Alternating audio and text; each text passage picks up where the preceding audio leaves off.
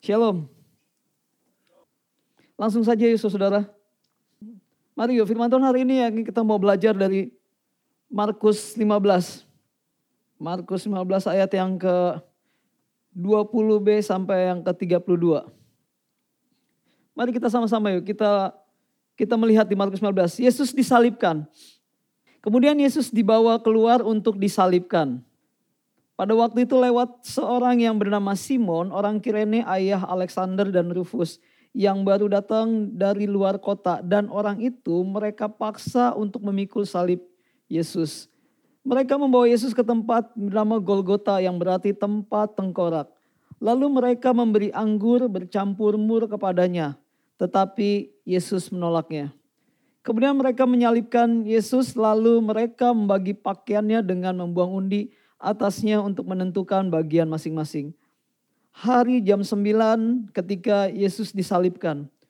Dan alasan mengapa ia dihukum disebut pada tulisan yang terpasang di situ. Raja orang Yahudi. Bersama dengan dia disalibkan dua orang penyamun. Seorang di sebelah kanannya dan seorang di sebelah kirinya. Demikianlah genaplah nas Alkitab yang berbunyi. Ia akan terhitung di antara orang-orang durhaka. Orang-orang yang lewat di sana menghujat dia dan sambil menggelengkan kepala mereka berkata, Hai engkau yang mau merubuhkan bait suci dan mau membangunnya kembali dalam tiga hari. Turunlah dari salib itu dan selamatkan dirimu. Demikian juga imam-imam kepala bersama-sama ahli Taurat mengolok-ngolokkan dia di antara mereka sendiri dan mereka berkata, Orang lain ia selamatkan tetapi dirinya sendiri tidak dapat ia selamatkan baiklah Mesias Raja Israel itu turun dari salib itu supaya kita lihat dan percaya. Bahkan kedua orang yang disalibkan bersama-sama dengan dia mencela dia juga. Yuk kita lanjut lagi ya. Yesus mati. Di ayat 33. Pada jam 12 kegelapan meliputi seluruh daerah itu dan berlangsung sampai jam 3. Dan pada jam 3 berserulah Yesus dengan suara nyaring, Eloi Eloi lama sabatani, yang berarti Allahku Allahku, mengapa engkau meninggalkan aku? Mendengar itu, beberapa orang yang berdiri di situ berkata, lihat, ia memanggil Elia. Maka datanglah seorang dengan bunga karang, mencelupkannya ke dalam anggur asam, lalu mencucukkannya pada sebatang bulu dan beri Yesus minum serta berkata, Baiklah kita tunggu dan melihat apakah Elia datang untuk menurunkan dia. Lalu berserulah Yesus dengan suara nyaring dan menyerahkan nyawanya. Ketika itu tabir bait suci terbelah dua dari atas sampai ke bawah. Waktu kepala pasukan yang berdiri berhadapan dengan dia melihat matinya demikian berkatalah ia, sungguh orang ini adalah anak Allah. Ada juga beberapa perempuan yang melihat dari jauh di antara di antaranya Maria Magdalena, Maria ibu Yakobus, Muda dan Yoses serta Salome. Mereka semua telah mengikut Yesus dan melayaninya waktu ia di Galilea dan ada juga di situ banyak perempuan lain yang telah datang ke Yerusalem bersama-sama dengan Yesus. Yuk mari sama-sama yuk di Good Friday hari ini. Kita tahu ya saudara ya, setiap tahun itu kita mengadakan bagi umat percaya ya, buat orang percaya, buat gerejanya setiap tahun itu pasti kita merayakan namanya Good Friday atau Jumat Agung. Ya. Nah tapi satu hal yang mesti kita mengerti ya kan maksud dari setiap Jumat Agung itu buat kita gerejanya. Jadi biarlah acara atau perayaan setiap tahun di Good Friday itu bukan sekedar rutinitas. Tapi Tuhan mau kasih tahu banyak hal buat setiap kita gerejanya.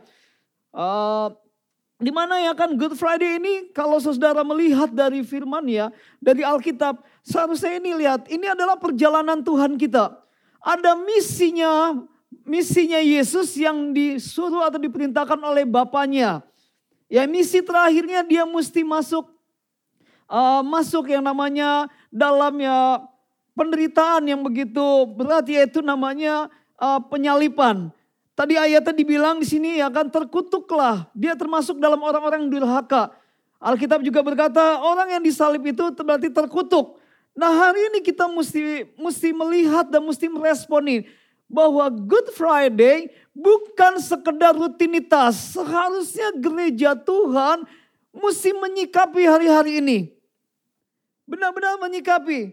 Ya kan? Karena saya yakin firman Tuhan berkata ya kan di sini ada beberapa tokoh yaitu Simon, Kirene, terus ada yang namanya pasukan perwira, terus ada lagi ya kan di sini ada dua penyamun itu yang sedang disalib di kiri kanannya Tuhan Yesus. Nah perhatikanlah saudara ketika saya baca di sini ya kan baca. Nah Tuhan mau ingatkan begini. Ya uh, tolong kasih tahu kepada umat Tuhan. Untuk setiap umat Tuhan itu mesti ingat tentang Tuhan.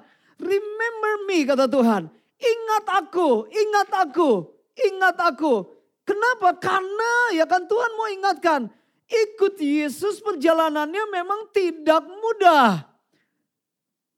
Tidak ada yang bilang gitu kalau kamu ikut Yesus pasti dimudahkan segalanya. Tidak. Firman Tuhan bilang ya kan ada berkat, ada kutuk. Jadi tolong dikasih tahu ya kan. Bukan sejak kemurahannya juga, tapi ada yang namanya penghakimannya, ada hukumannya. Nah firman Tuhan yang mulai Tuhan mau kasih tahu di pelayanan ini, di sheet fellowship, ya kan harusnya kita mulai mengerti. Good Friday itu bukan sekedar kita rutinitas atau ya udahlah ada perayaan pasca ada perayaan yang namanya Good, uh, Good Friday, ya udahlah kita ibadah.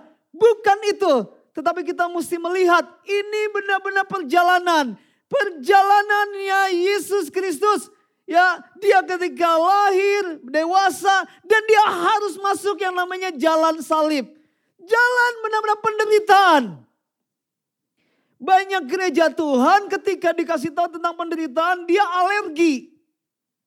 Benar atau benar?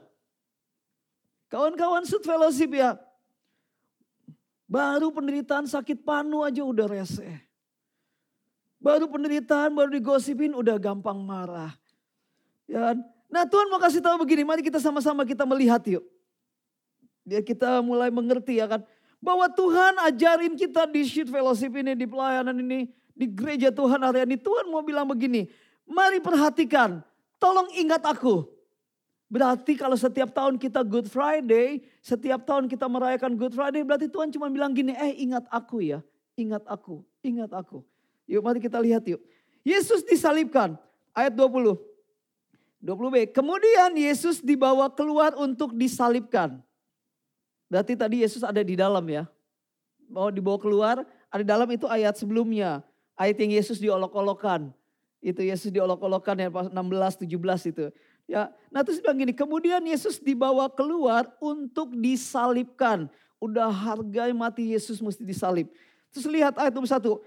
Pada waktu itu Alkitab bilang lewat seorang yang bernama siapa? Simeon. Pada waktu itu lewat seorang yang bernama Simeon. Orang apa? Orang Kirene, saudara. Dibilang pada waktu itu lewat seorang yang bernama Simeon, orang Kirene. Ayah Alexander dan Rufus. Pasti ada sesuatu yang mau Tuhan kasih tahu kalau sampai disebutkan anaknya. Pasti, ya kan? Yang baru datang dari luar kota dan orang itu mereka paksa, lihat ya saudara. Dan orang itu, Simeon dipaksa. Dipaksa. Ya, Simeon ini dipaksa. Perhatikan kawan-kawan di Sheet Fellowship. Ya, jadi lihat ya. Yang baru datang dari luar kota dan orang itu Simeon dipaksa untuk memikul salib Yesus. Disuruh dipaksa pikul salib. Ya kan? Pikul salibnya Yesus. Perhatiin deh saudara. Ketika ya kan, ketika seorang namanya Simeon, ya kan, ini Simon ini dari Kirene. Kirene itu ada kalau di peta, itu ada di daerah Afrika Utara, yaitu di daerah Tripoli. Daerah Tripoli, Afrika jauh loh, ya kan, itu ke Yerusalem. Nah Simeon ini, Simeon ini sedang mau ya mau ke Yerusalem untuk mengikuti yang namanya Paskah juga. Ya kan? Karena di di apa di Yerusalem juga ada orang-orang Kirene dan juga ada sinagoge. Dia mau datang ke ke situ. Nah, ketika dia datang melihat ada kerumunan keramaian, nggak tahu kerumunan keramaian tanpa dia apa namanya? tanpa dia sadarin ketika dia melihat tiba-tiba ya kan di sini pasukan yang Romawi itu paksa Simeon untuk pikul salib Yesus. Nah kalau disuruh pikul salib Yesus itu pasti nggak mau. Percayalah, nggak mungkin ketika Yesus mau disalib, siapa pun mau disalib, terus langsung ada orang situ, tolong dong bawain salibnya. Tidak ada yang mau, karena ini salib ini terkutuk. Gitu loh. Ya kan, terkutuk. Nah, tiba-tiba dibilang gini, Simeon itu dipaksa untuk memikul salib Yesus. Terus kenapa Simeon itu dipaksa untuk memikul salib Yesus? Saudara kalau dikasih dalam Tuhan perhatiin. Ketika Yesus disesah, ketika Yesus disesah ya kan dipukul, pokoknya disesah lah. Ya kan pokoknya masuk dalam apa namanya uh, uh, hukuman yang fisik. Nah ketika Yesus itu perhatiin saudara, itu ya kan kalau kita baca harus saya tahu saudara. Ya kan itu namanya ada kail dari tulang.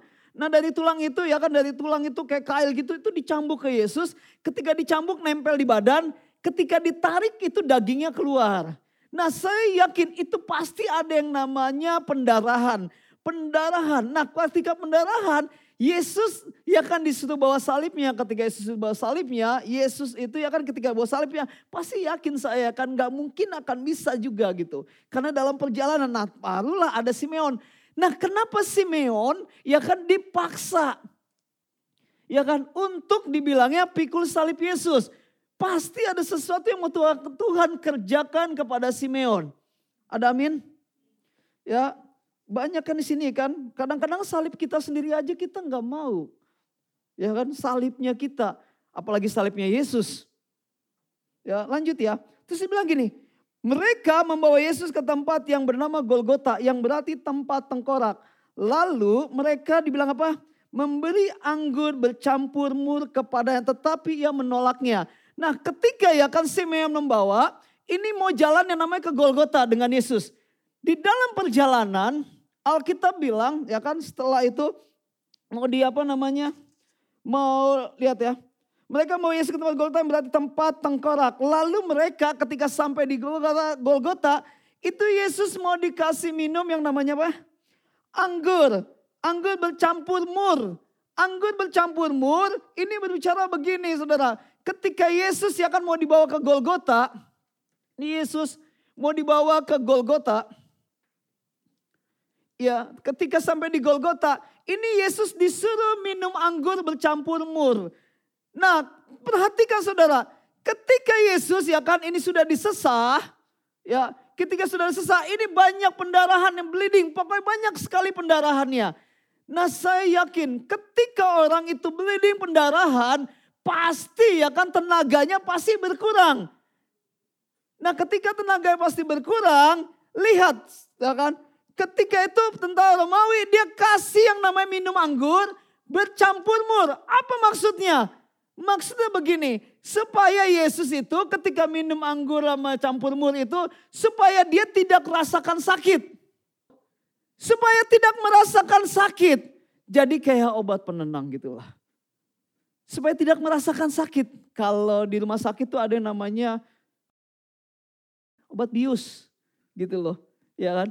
Kalau dulu saya dikasihnya bukan obat bius. Pokoknya dibawa morfin gitu supaya pokoknya supaya gitulah. Nah dibilangnya begitu. Nah Yesus dikasih ini ini perjalanan ketik sebelum disalib ya. Sebelum disalib ini aja sudah menderita loh. Bayangin yang bawa salibnya Yesus ya kan. Melihat penderitaan kayak gini namanya Simeon nih. Ini orang Yahudi juga ya. Orang Yahudi yang tinggal di Kirene.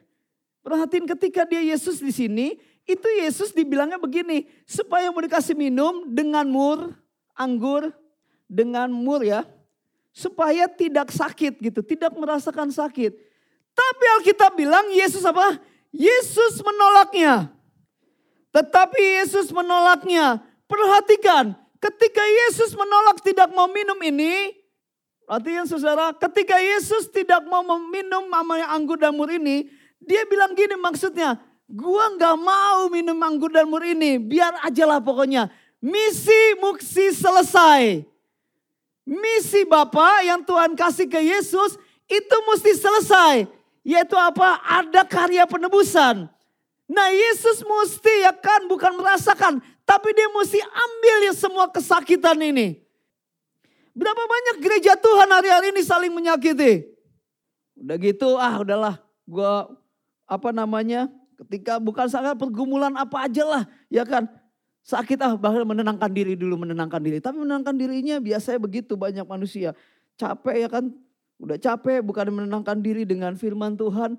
Malah cari yang lain. Bahkan malah makan malah tambah bikin yang capek gitu loh. Ya kan. Banyak kan kayak gitu kan.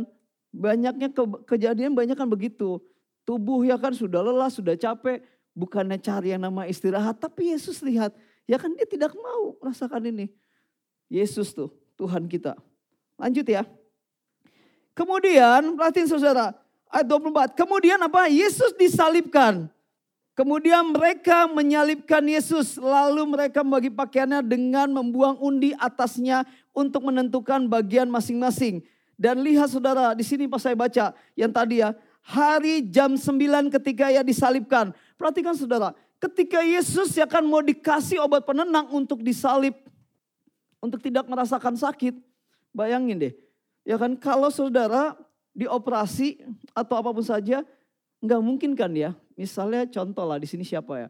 Ya kan mungkin nih misal teman saya ya kan kapten atlet ketika mau dioperasi misalnya. Ketika mau dioperasi ya ketika mau dioperasi apakah dia nggak disuntik obat bius dulu? Pasti disuntik. Ya kan? Kalau nggak disuntik, masa mana ada manusia gitu mau operasi misalnya operasi apa sih namanya? Usus buntu lah, itu dioperasi juga kan? Pas mau operasi usus buntu nih misalnya, datang ke dokter, dokter usus buntu nih gue, tolong dong operasi. Udah dia tidur aja terus di black track, potong gitu. Ada yang kayak gitu? Gak ada, cuman Yesus doang.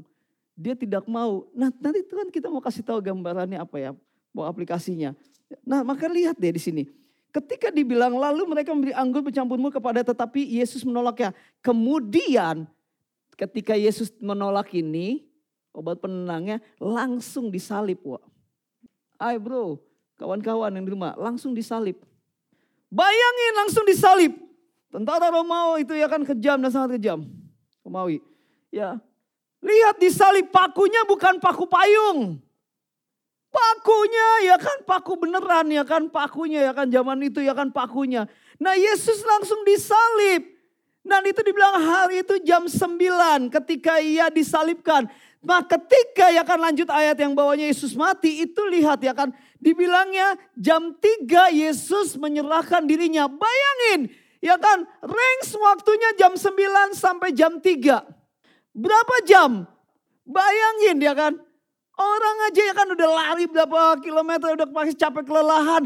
Yesus ya kan ketika dicambuk, ketika di apa pun saja, ya kan tubuhnya diporak-porandakan. Perhatiin ketika dia dikasih minum ini supaya dia hilang rasa sakitnya, dia nggak mau.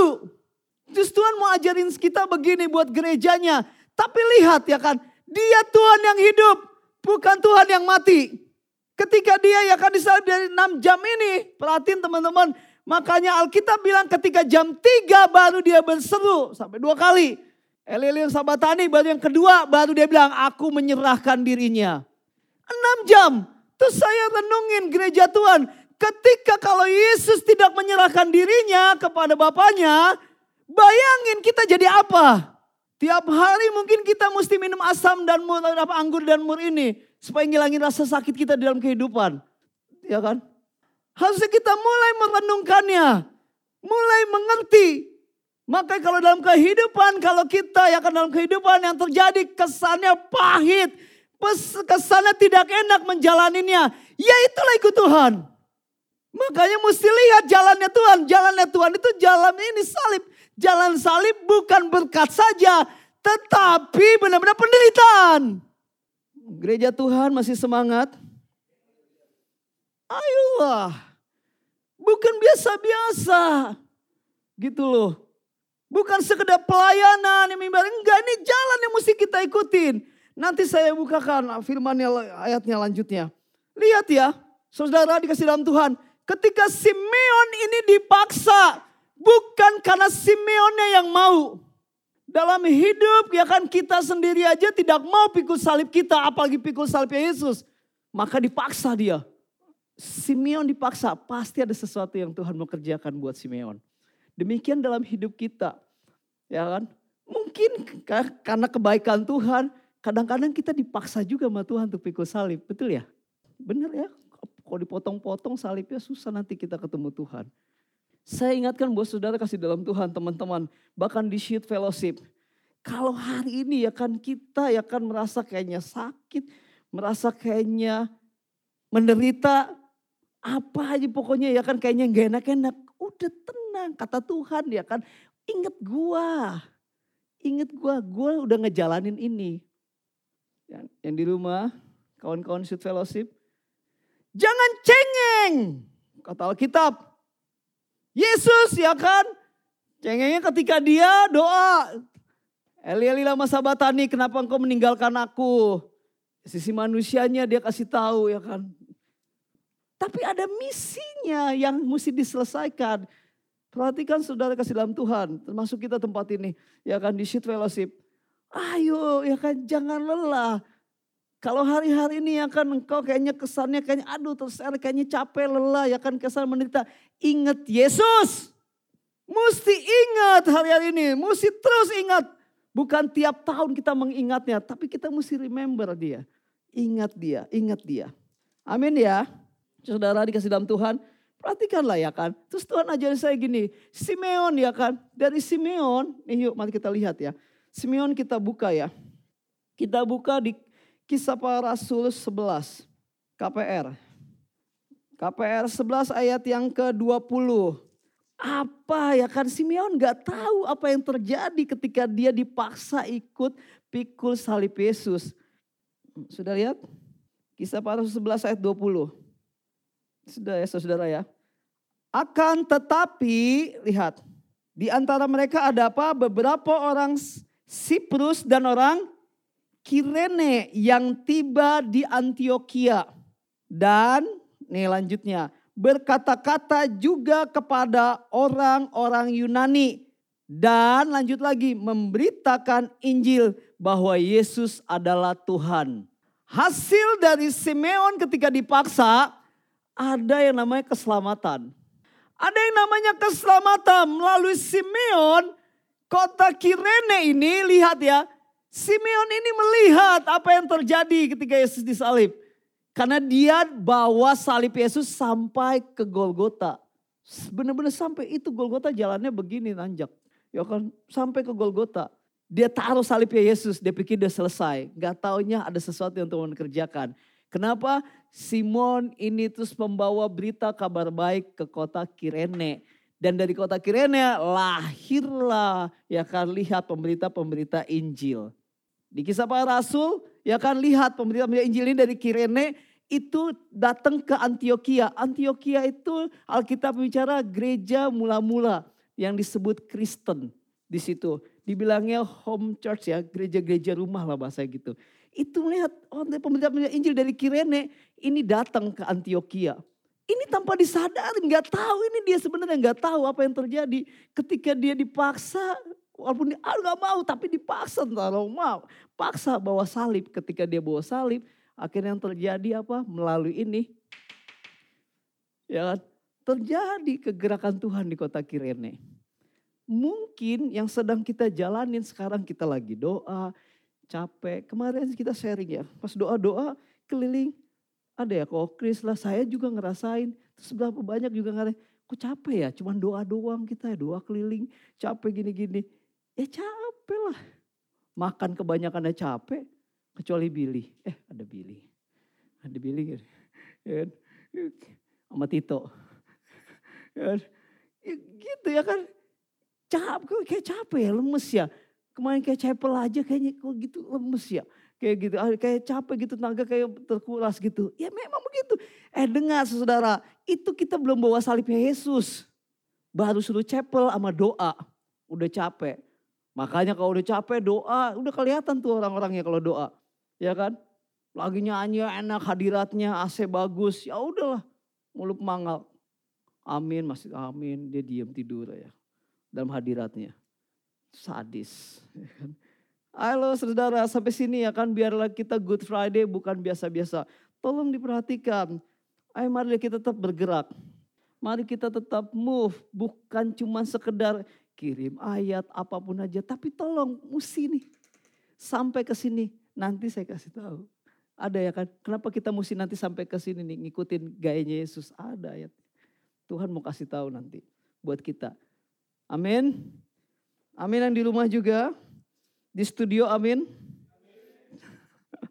Ayolah ya kan.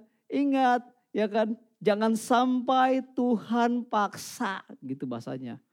Kalau paksa kesannya wah berontak gitu kesannya gitu. Paksa enggak itu Tuhan lagi mengasihi kita. Yuk mari kita lihat yang kedua yuk. Yang kedua. Mana yang kedua? Lihat ayat yang ke-27. Bersama Yesus disalibkan berapa? Dua orang penyamun. Seorang sebelah kanannya dan seorang di sebelah kirinya. Demikianlah Alkitab yang berbunyi, ia akan terhitung di antara apa? Orang-orang durhaka. Saudara mungkin sudah tahu ya kan dua orang ini. Yang pertama Simeon. Yang kedua ya kan orang-orang penyamun ini ya. Orang-orang yang jahat. Bahasa gitulah. Ada dua orang ya. Ada dua orang ya kan yang jahat. Ya. Nah di samping kiri kanannya. Nah saudara mungkin sudah tahu cerita ini ya kan dua orang ini. Ketika dua orang ini yang jahat ini ya kan. Yang satu dibilang apa yang satu kau ceritanya. Yang satu bilang begini yang satu udahlah kita wajar kalau kita itu disalib karena kita itu jahat. Nah kalau dia itu yang di tengah-tengah dia nggak jahat. Dia harusnya nggak nggak apa namanya nggak seharusnya disalib tapi kita doang kita nih yang seharusnya disalib. Ini dua ini mestinya disalib itu wajar pokoknya ya. Pokoknya sangat wajar disalib. Nah Yesus tuh enggak. Harusnya. Nah yang satu orang ini ya kan satu orang ini ngeluh mulu ya kan. Yang dua yang yang, dua apa satu orang yang lagi itu tidak ngeluh. Nah yang satunya ini sangat ngeluh dan ngeluh dan ngeluh. Udah jahat ngeluh lagi. Halo? Udah gak pernah buat kebenaran ya kan ngeluh hidupnya. Ya kan? Bahkan sudah mati disalib lagi disalib aja ngeluh bayangin. Bukannya sadar yang satu orang itu ya kan. Bukannya sadar aduh iya ya gue udah disalib gini ya kan mati entah gue ke mana gitu harusnya. Tapi dia enggak ya kan malah ngeluh ngeledekin Yesus ya kan. Tapi yang satunya ya kan satunya yang pribadi satunya dia tahu sadar. Benar-benar sadar kalau dia itu jahat ketika dia disalib. Nah itulah terakhirnya yang satu orang itu langsung bilang sama Yesus ya kan. Yesus kalau jadi raja ya kan nanti tolong ya kalau jadi raja bahasanya begitu ya bahasa gaulnya ya. Ajak gua ya ke kerajaan lu. Lihat dah Yesus. Nih lihat Tuhan kita. Tuhan kita sangat canggih. Yesus yang lagi disalib. Yang dia nggak mau minum yang namanya obat bius apa pun saja supaya hilang rasa sakitnya. Dia sakit menderita. Tapi lihat ketika ada orang ngomong kayak gitu. Dia cuma bilang gini. Hari ini lu sama gua ya. Bayangin hari ini lu bersama-sama gua di kerajaan gua. Itu lagi sakit. Coba kalau orang sakit, maaf gak usah sakit lah. Ya kan? Misalnya lagi apa ya namanya? Lagi kredit ya, maksudnya lagi ngerjain sesuatu kredit gitu atau lagi yang gak cepet langsung emosi gitu ya kan. Gak sakit kenapa-napa padahal tapi gampang cepet tersinggung apa itu langsung cepet marah. Ini Yesus ya kan, sadis banget Tuhan kita. Ya kan? Dia lagi disalib, darah kecucu terus. Kalau yang dua orang itu tidak terlalu disesah gimana-gimana. Tapi Yesus disesah sudah habis ya kan. Bahkan ada yang apa dibilang ya kan mukanya Yesus tidak berbentuk. Bayangin. Tapi dia masih bilang gini. Bro selalu hari ini lu sama gue nanti. Bayangin. Ayolah mulai sadarlah hari-hari ini. Hai, saudara dikasih dalam Tuhan, ayo mulai sadar. Mulai sadar. Mulai sadar seperti ya kan yang satu orang itu yang disalib di antara kedua itu ya kan dia mulai sadar gitu. Wah iya Yesus aja ya kan menderita lebih gila dari gua ya kan. Gitu loh. Jadi saya dikasih tahu gini ya kan merenunginnya gini. Learn ya kan udahlah penderitaan itu masing-masing sudah ada bagiannya. Jadi jangan lu berkata lu doang yang paling menderita. Zaman sekarang nih. Pokoknya dia aja yang paling menderita yang lain enggak. Makanya Tuhan bilang, ingat gua, gua menderita lebih gila dari elu. Pergumulan lu tuh cuma biasa-biasa aja. Gua nih pergumulannya kata Yesus. Bahkan gua mau dikasih obat apa namanya biar gua ngilangin rasa sakit. Gak mau gua. Biar gue ngerasain semuanya sakitnya. Halo? Masih semangat saudara di dalam Tuhan? Movement, kegerakan Tuhan, ya kan, kegerakan Tuhan itu ya kan bukan santai. Kegerakan Tuhan mesti ada yang dibayar. Tidak bisa tidak. Keselamatan besar yang Tuhan mau kasih tahu ya kan. Tuhan bilang begini mau, learn ingat aku. Kalau mau keselamatan yang besar, kamu mesti masuk ke Golgota.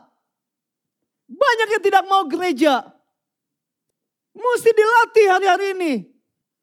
Tidak bisa tidak. Semangat kita. Maka satu orang ini ya kan ketika dia sadar, wah ya ini yang jahat ya. Dia sadar. Simeon dia tidak jahat. Tapi saya tahu ini orang beriman juga. Orang melakukan ya kan hukum-hukum Tuhan. Tapi Tuhan tahu hatinya maka Tuhan paksa dia nih. Melalui tentara Romawi ketika dia lewat di situ dia tarik. Eh lu nih ayo Simeon ikut. Melalui dia dia mulai kesadar pas dia mungkin di atas bukit Golgota. Dia memang gak menderita tapi kan menderita bawa salibnya Yesus taruh di atas Golgota, itu kan capek, menderita juga. Makanya ketika situ Tuhan bilang gini, tenang Simeon. Mungkin ya, cuma Simeonnya nggak kok apa namanya, kurang peka aja kali Yesus ngomong gitu ya. Tenang Simeon, kota lu ntar gue selamatin. Nah kita lagi mengerjakan ini. Hai kawan-kawan di Sweet Fellowship. Ayo mulai bangkit kembali. Mulai fokus dengan misinya Yesus, bukan misinya kita. Good Friday ya kan bukan sekedar ibadah-ibadah, kita nangis-nangis, oh pengagungan Yesus. Tapi ada sesuatu yang mau Tuhan nyatakan itu keselamatan. Maka Tuhan bilang gini, kalau kamu lagi capek, lelah mengerjakan ini, kesannya kayaknya aduh ya kan capek banget ya kan ini badan capek lemah begini semuanya apa Tuhan bilang gini udah ya kan ingat aku aja aku yang sudah ambil semuanya makanya gua kata Yesus gua nggak minum nih ya kan anggur supaya apa namanya anggur yang dicampur mur supaya ngilangin rasa sakit gua. Rasa sakit lu sudah mau kata Yesus. Tapi tetap kita mesti jalanin. Kita sakit juga ngejalaninnya. Di sini yang banyak gagal anak-anak Tuhan dan gereja Tuhan. Yuk, mari yang ketiga. Jadi ada keselamatan ya buat yang satu orang ini ya. Yang pribadi yang kedua nih. Orang yang kedua. Ya kan? Nanti tinggal pilih kita ya, mau yang mana. Yang ketiga yuk kita lihat yuk, yang ketiga. Yang ketiga, ya orang-orang yang lewat di sana menghujat dia dan sambil menggelengkan kepala mereka berkata, Hai engkau yang mau merubuhkan bait suci dan mau membangunnya kembali dalam tiga hari. Ini lagi dijelasin itunya ya. Turunlah dari salib itu dan selamatkanlah dirimu. Itu Yesus lagi dicemooh bahasanya begitu. Demikian juga imam-imam nih, imam-imam nih, ya kan? Imam-imam berarti kepala-kepala di atas pemimpin. Bersama ahli Taurat mengolok-olokkan Yesus di antara mereka sendiri. Dan mereka berkata, orang lain ia selamatkan, tetapi dirinya sendiri tidak dapat ia selamatkan. Bayangin, kalau Yesus hari itu tersinggung, dia turun dari salib, ditabokin tuh orang-orang. Bener, ditabokin sama Yesus. Pernah nonton The Passion kan? Saudara, halo, tanda-tanda ketika Yesus disalib, Alkitab sudah jelas, gelap gulita. Bayangin, ya kan? Mau pakai gen apa? Kalau zaman itu ada genset juga pasti gelap. Pasti gelap, ya kan? Gelap gulita tandanya. Terus gempa bumi. Bayangin, itu tandanya. Yesus. Kalau nonton The Passion aja kan baru air matanya aja jatuh langsung gempa. Bayangin kalau Yesus bersin ya kan corona pergi wa percayalah corona hilang di bumi bayangin ya kan Yesus tuh kalau dia emosi lihat saudara Yesus kalau hari itu emosi diledekin para imam dia turun dia tabokin semuanya selesai Simeon dan dua orang ini nggak selamat wa maka dia lagi kasih contoh Terus saya ingat pesannya, perhatikanlah Dilan. Ya kan? Nanti kamu akan mengerjakan ini, ngerjakan itu, nanti akan ada yang cemooh. Terus Tuhan ingatkan berapa hari ini saat teduh, ingat aku yang sudah ngalamin itu.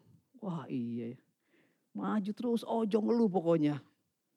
Semangat kawan-kawan sudah dikasih dalam Tuhan. Kalau visinya Tuhan, misinya Tuhan jalan.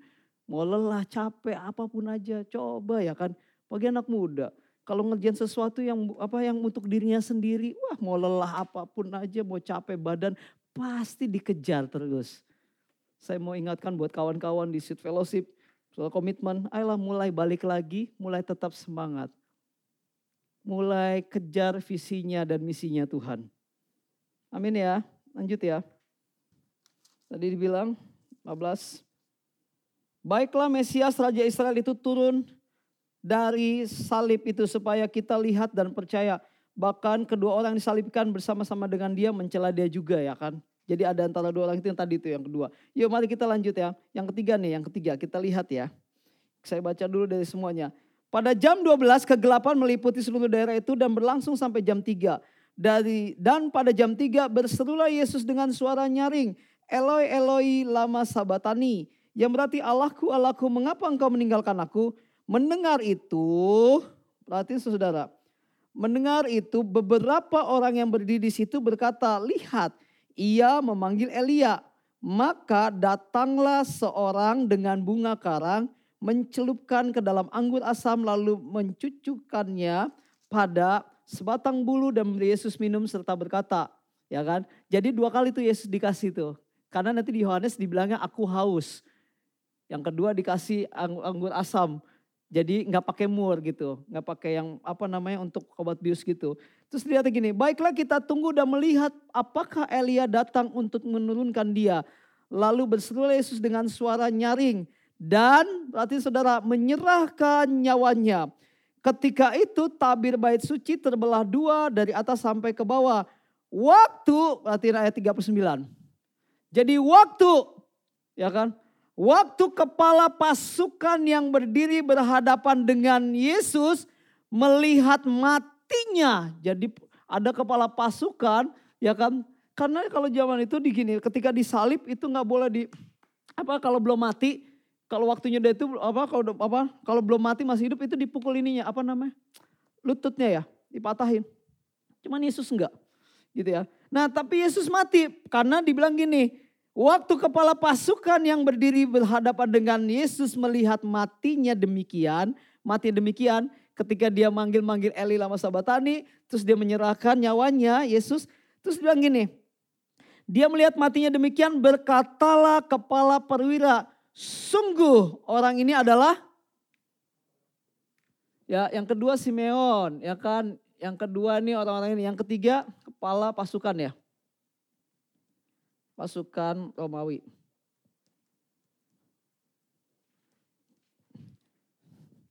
Saudara-saudara kasih dalam Tuhan, perhatiin teman-teman, saudara kasih dalam Tuhan. Orang bisa ngomong begini loh, orang bisa ngomong, kamu percaya Yesus? Iya, percaya Yesus. Yesus adalah Tuhan. Itu bukan dia yang ngomong, tapi roh Allah yang ada di dalamnya. Seperti Petrus bilang gini, siapakah aku nih Yesus ngomong gitu? Yang lain, engkau ini, engkau ini, engkau Elia, engkau ini, engkau ini. Petrus bilang, engkau anak Allah. Langsung Yesus bilang gini, bukan kamu yang ngomong, tus, bukan kamu. Tapi roh aku yang ada di dalammu, roh Tuhan. Nah saya yakin, bayangin ya, begini saudara. Uh, bisa minta contoh, Aswin.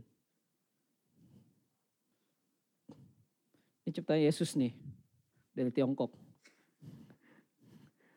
Eh, dari Wuhan nih. Salib. Salib ya Yesus ya. Terus awak perwiranya ya kan ceritanya. Cerita. Ini perwira kan melihat perwiranya nggak ngapa-ngapain yang itu anak anak buahnya yang ini. Nah ketika perwira dibilang Alkitab di hadapan Yesus. Jadi ngelihat nungguin. Pas Yesus ngomong Elisa Batani terus Yesus mati. Gitu-gitu ya. Pasti mati.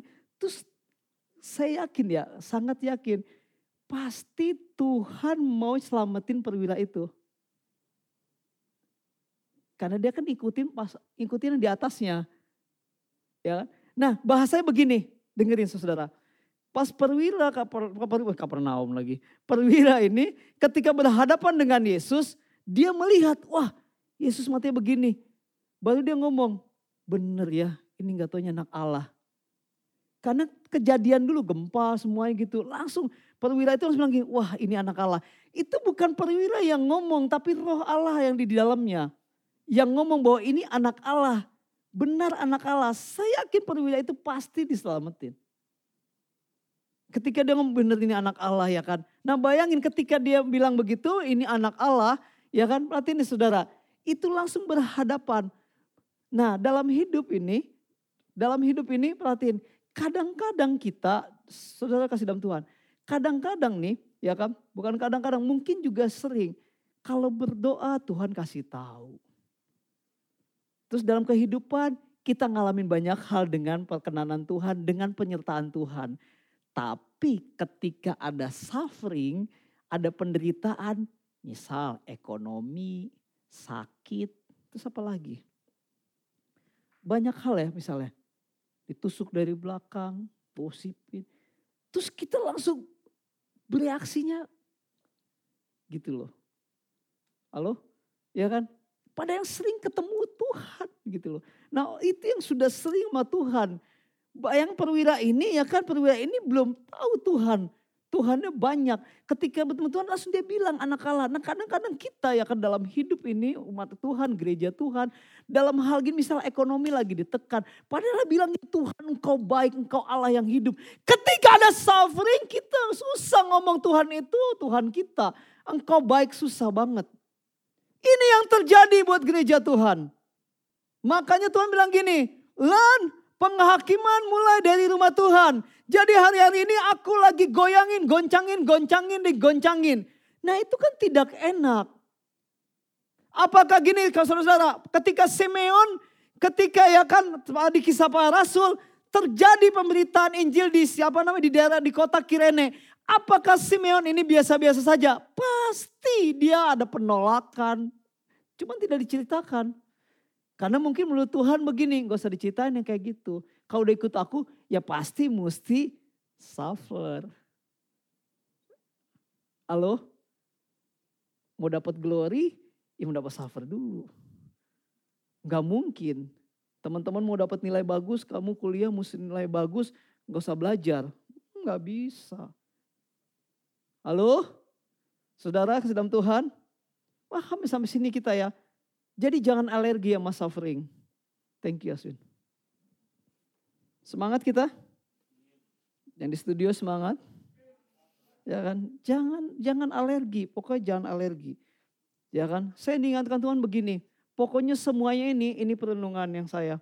Kalau Tuhan kita tidak menyerahkan hidupnya, tidak menyerahkan hidupnya buat bumi ini, buat apa umat manusia yang di dunia, kalau dia tidak menyerahkan untuk dicaci maki, untuk di apa namanya dirajam, disalib, kalau dia nggak menyerahkan, kita mau jadi apa? Kita udah sampah, tetap jadi sampah. Ya, makanya Good Friday ya kan, buat kita di Street Fellowship, Good Friday itu bukan sekedar Good Friday biasa-biasa, udah kita acara liturgi kebaktian, bukan. Mari kita mesti memaknai ya kan. Karena Tuhan begini, dari segalanya semua yang namanya salib, jalan salib ini salib, saya tahu di sini pasti ada yang namanya salvation. Saudara kasih dalam Tuhan, kalau masuk ke salib ini pasti ada salvation. Keselamatan itu bukan sekedar kita diselamatkan, tapi hidup yang maksimal kehidupan yang maksimal yang Tuhan beri dan percayakan dalam hidup kita di kerjaan, di studi, di kuliah, di dalam keluarga. Tuhan mau kasih maksimalnya. Yesus kita ketika dia di Golgota, itu maksimalnya dia mesti dulu mati.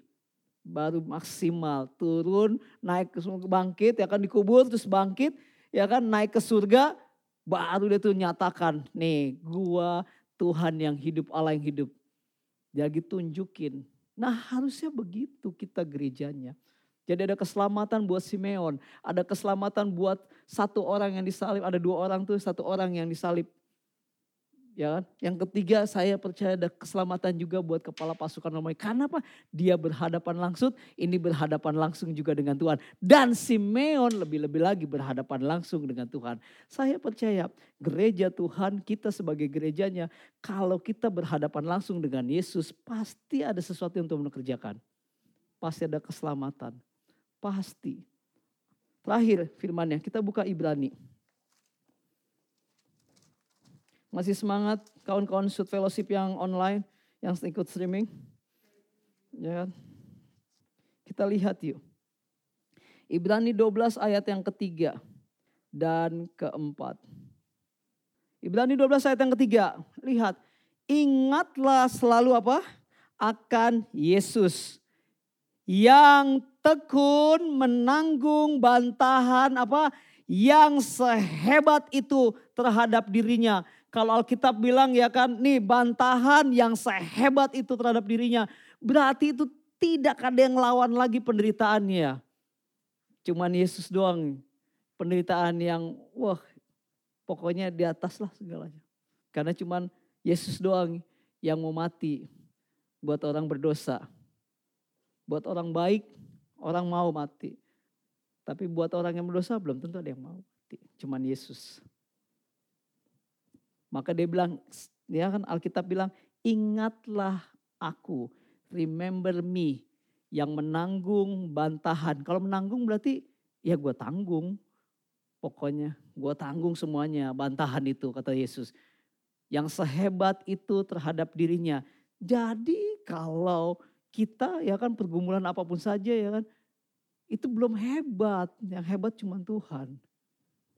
Makanya dia terhitung sebagai orang-orang yang durhaka. Lanjut ya.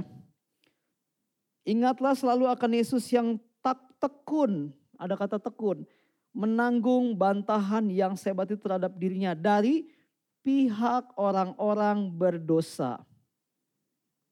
Ya, terus dibilang supaya jangan kamu menjadi lemah dan putus harapan. Putus asa tuh kehilangan gitulah, oh, kehilangan. Terus empatnya, dalam pergumulan akan dalam pergumulan kamu melawan dosa, kamu belum ten, belum sampai mencucurkan darah. Halo, ayat 5 bilang begitu firmannya. Terakhir, ayat 4 sorry ya.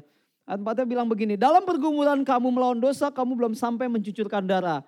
Apakah di sini ya kan, saudara, ketika pergumulannya tentang emosi lah, tentang emosinya. Untuk menahan emosinya supaya enggak emosian, apakah sampai keringet darah? Ada? Terus apalagi misalnya, ya kan penguasaan dirinya, kesombongannya lah misalnya. Terus apalagi, apakah sampai pergumulan seperti itu, saudara-saudara sampai mencucurkan darah? Cuman Yesus Tuhan kita. Mari kita di Good Friday ini akan mari kita mulai menyikapi bukan biasa-biasa lagi. Tapi kalau hari ini ya kan tertekan, ditekan, ditekan, ditekan. Kayaknya uh kita tekan kayak udah nggak kuat gitu. nggak apa-apa. Saya percaya pasti ada akhirnya. Oh Yesus lahir aja udah di Tuhan kita Yesus lahir aja udah dikejar-kejar sensus ya kan, dikejar, lahir nih. Ada nggak di sini ketika Aswin lahir dikejar-kejar pemerintah? Mika kali Mika dikejar-kejar.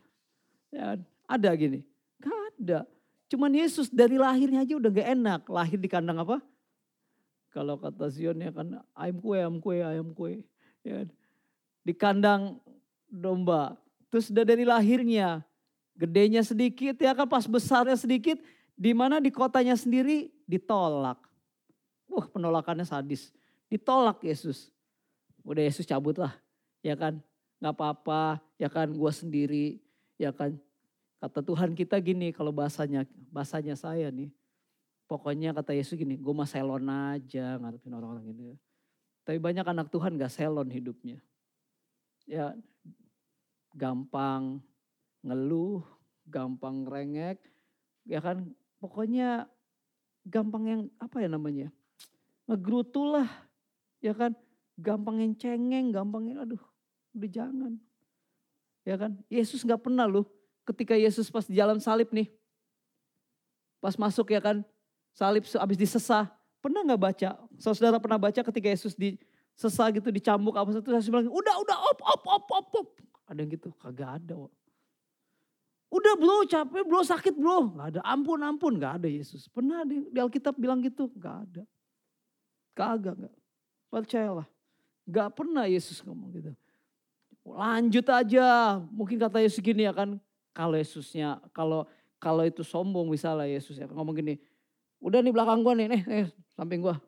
Hancurin lagi. Kok bisa hancurin. Gak begitu Yesus. Tapi Tuhan mau ajarkan sampai hari ini buat teman-teman yang di Street Fellowship ya kan buat seluruh komitmen kita sama-sama mengerjakan agendanya Tuhan dan misinya Tuhan. Perhatikan, untuk mengerjakan agenda ya Tuhan dan misinya Tuhan itu tidak mudah. Itu benar-benar berjerih payah gitu. Tapi jangan khawatir, pasti ada akhirnya. Akhirnya diselamatkan. Cuman satu kata Tuhan, ingat gua. Ingat akan aku, ingat aku terus. Ada lagunya tuh, ingat akan nama Yesus, kau yang susah dan sedih gitu. Tapi jangan sedih mulu, sebel banget tuh. ya kan sedih mulu ya kan sedih mulu ya kan. Waduh, layanin, ada yang cerita, gua doang yang paling susah ya teh. Gua doang yang paling susah, gua doang yang paling apa namanya pergumulannya berat. Ya ilah, Pak Jokowi berat ngurusin corona, saudara. Udah tubuh Kristus kita doa. Bikin malu ya kan. Oh, kita anak Tuhan ya kan masih aja ya kan kayak gitu lemah. Pak Jokowi itu ya kan Pak Presiden kita ngurusin corona dicaci maki ya kan. Lihat kalau dia emosi bisa aja ya kan. Dia suruh ya kan tembak aja itu orang-orang itu. Gitu bahasanya. Tapi lihat ya kan. Kita mesti belajar hari-hari ini. Ya kan. Ingat ya saudara. Jalan ikut, apa ikut Yesus itu jalannya sangat panjang. Dan kedua Tuhan ingatkan saya untuk tetap mengingat Tuhan. Halo, yang di studio, ya kan? Ingat Tuhan, apa pun yang terjadi tetap ingat Yesus. Ingatnya apa? Bukan ingat senang-senangnya, ingatnya jalan salibnya. Sorry, saya selalu bilang ngomong terakhir, tapi sebenarnya ada lagi nih. Ini yang terakhir, lupa. apa ini kan buat sweet fellowship. Kalau kalau share itu nggak usah kaku. Kan kita fellowship. 1 Petrus 2. 1 Petrus 2 ayat yang ke 20. Sebab dapatkah disebut pujian jika kamu menderita pukulan karena kamu berbuat dosa. Tetapi jika kamu berbuat baik dan karena itu kamu harus apa? Menderita saudara. Maka itu adalah kasih karunia pada Allah. Ayat 21-nya canggih nih. Ya kan? Biarlah buat kita di Shoot Fellowship untuk mengerjakan keselamatan besar yang punya Tuhan Mari kita melihat ya. Sebab untuk itulah apa? Kamu dipanggil. Jangan lupa ya kan. Ada kasih karunia. Terus ada juga penderitaan. Ini parah nih kalau dibilang penderitaan gak ada yang mau. Jadi kesannya kalau masuk shoot kan menderita mulu. Maka jangan masuk shoot, masuklah ke Tuhan Yesus melalui shoot gitu. Sama juga ya. Loh ya iyalah. Kan Tuhan percayakan wadahnya. Wadahnya ya di shoot. Kalau mau cipika-cipiki cari tempat lain. Ya kan. Nggak kuat juga nggak apa-apa nggak dosa. Ya kan. Silakan keluar di tempat ini. Ya. Oke. Semangat yang online yang ikut streaming juga ya kan. Pas lah ngomong gini langsung live ya kan keluar. pas, pas ngomongin langsung keluar, keluar ah nggak kuat. Lanjut ya. Tetapi jika kamu berbuat baik, sorry. Ayat satu. Sebab untuk itulah apa? Kamu dipanggil. Tadi menderita ayatnya di atas. Ada kata sebab berarti ada ininya ya kan. Sebelumnya ada penyangkaan di bawah apa di atasnya dulu. Karena Kristus pun apa? Telah menderita untuk kamu. Tolong saudara kasih dalam Tuhan. Kristus sudah menderita juga untuk kita. Maka dia mesti masuk ke Golgota. Dan apa dibilang? Sudah meninggalkan teladan bagimu. Supaya, perhatiin saudara, kamu mengikuti jejaknya. Yesus jalan ke Golgota, suffering. Alkitab bilang, dia lagi kasih teladan buat kita umatnya. Mau gak mau kita mesti ikutin jalannya. Jangan shortcut. Ah gue gak mau salib. Gak bisa. Salib itu anugerah juga, tapi suffer juga. Jadi salib itu enak dan pedih. Udah gitu. Bahasanya di sheet fellowship. Enak dan pedih. Maka Tuhan bilang gini, aku sudah jadi teladan. Yaitu apa? Masuk ke Golgota, jalan salib. Semangat saudara. Kalau tidak mau kemari, saya jamin. Saudara-saudara, kawan-kawan yang komitmen pasti gagal mulai ambil keputusan hari ini. Mulai ambil keputusan di Good Friday hari ini, ya kan? Saudara mesti mengikuti. Mau kehujanan, kepanasan, kemiskinan, kelaparan, kehausan, ketelanjangan, apa pun saja kan. Alkitab bilang tidak ada yang memisahkan kasih Kristus. Percayalah, nanti di Ibrani ada tuh ya kan. Apa namanya pahlawan-pahlawan iman. Nanti saudara baca deh. Ibrani, bayangin pahlawan-pahlawan iman itu, itu bukan hidup kongko-kongko duduk ya kan santai gitu ya kan. Di hotel apa namanya, bintang 10, enggak. Terus jacuzzi, enggak. Enggak begitu, bukannya enggak boleh kita ya kan. Tapi ada bilang sama saya, loh itu kan zaman dulu kak. Sekarang kan ada mall, masa nggak boleh? Ya boleh, cuman kalau ke mall, kalau lu ke mall terus ya udah neraka lu. Ke mall mulu, bukannya cari Tuhan ke mall mulu. Ya kan? Nah ini Tuhan mau ingatkan. Kata Tuhan ikuti jejakku. Waduh ini penderitaan. Ini dicaci maki. Wah sorry. Ya kan? Putar haluan. Mesti ke sini. Mesti yang sini yang enak. Gak bisa. Gak bisa. Saudara mesti menang. Ya kan kawan-kawan di fellowship mesti menang. Kalau kamu baca Alkitab aja satu dua aja ya kan kamu udah menderita. Bagaimana mau menang sama yang lain. Baru cuma satu dua aja udah menderita. Langsung ah udahlah gak usah satu teduh. Menderita itu. Ya cepat udah gagal lah. Percayalah. Gagal. Kalau cuma mau ngejar pelayanan doang kayak begini-gini ada pelayanan gitu ya. Kecil banget. Mari kita jadi pahlawan-pahlawan iman. Asal mengingat Tuhan. Biar kita mengerti, oh ini ya kasih karunia-Nya. Oh ini sufferingnya. Saya mau masuk yang sufferingnya. Biar saya bisa menuju kemuliaan Tuhan. Amin saudara kasih dalam Tuhan. Buat saudara, kawan-kawan di Sweet Fellowship, tetaplah mengikuti jejaknya. Jejaknya itu bukan kasih karunia-Nya, tapi ada yang namanya salibnya. Salib itu penderitaan dan suffernya. Jangan alergi sama penderitaan. Mari kita sama-sama berjuang kita tubuh Kristus saling mengikatkan diri bersama-sama, saling unity. Satu hati di dalam Tuhan saling menopang satu dengan yang lain. Saya percaya ada anugerah Tuhan membawa kita akan terus berjalan dengan Tuhan. Amin.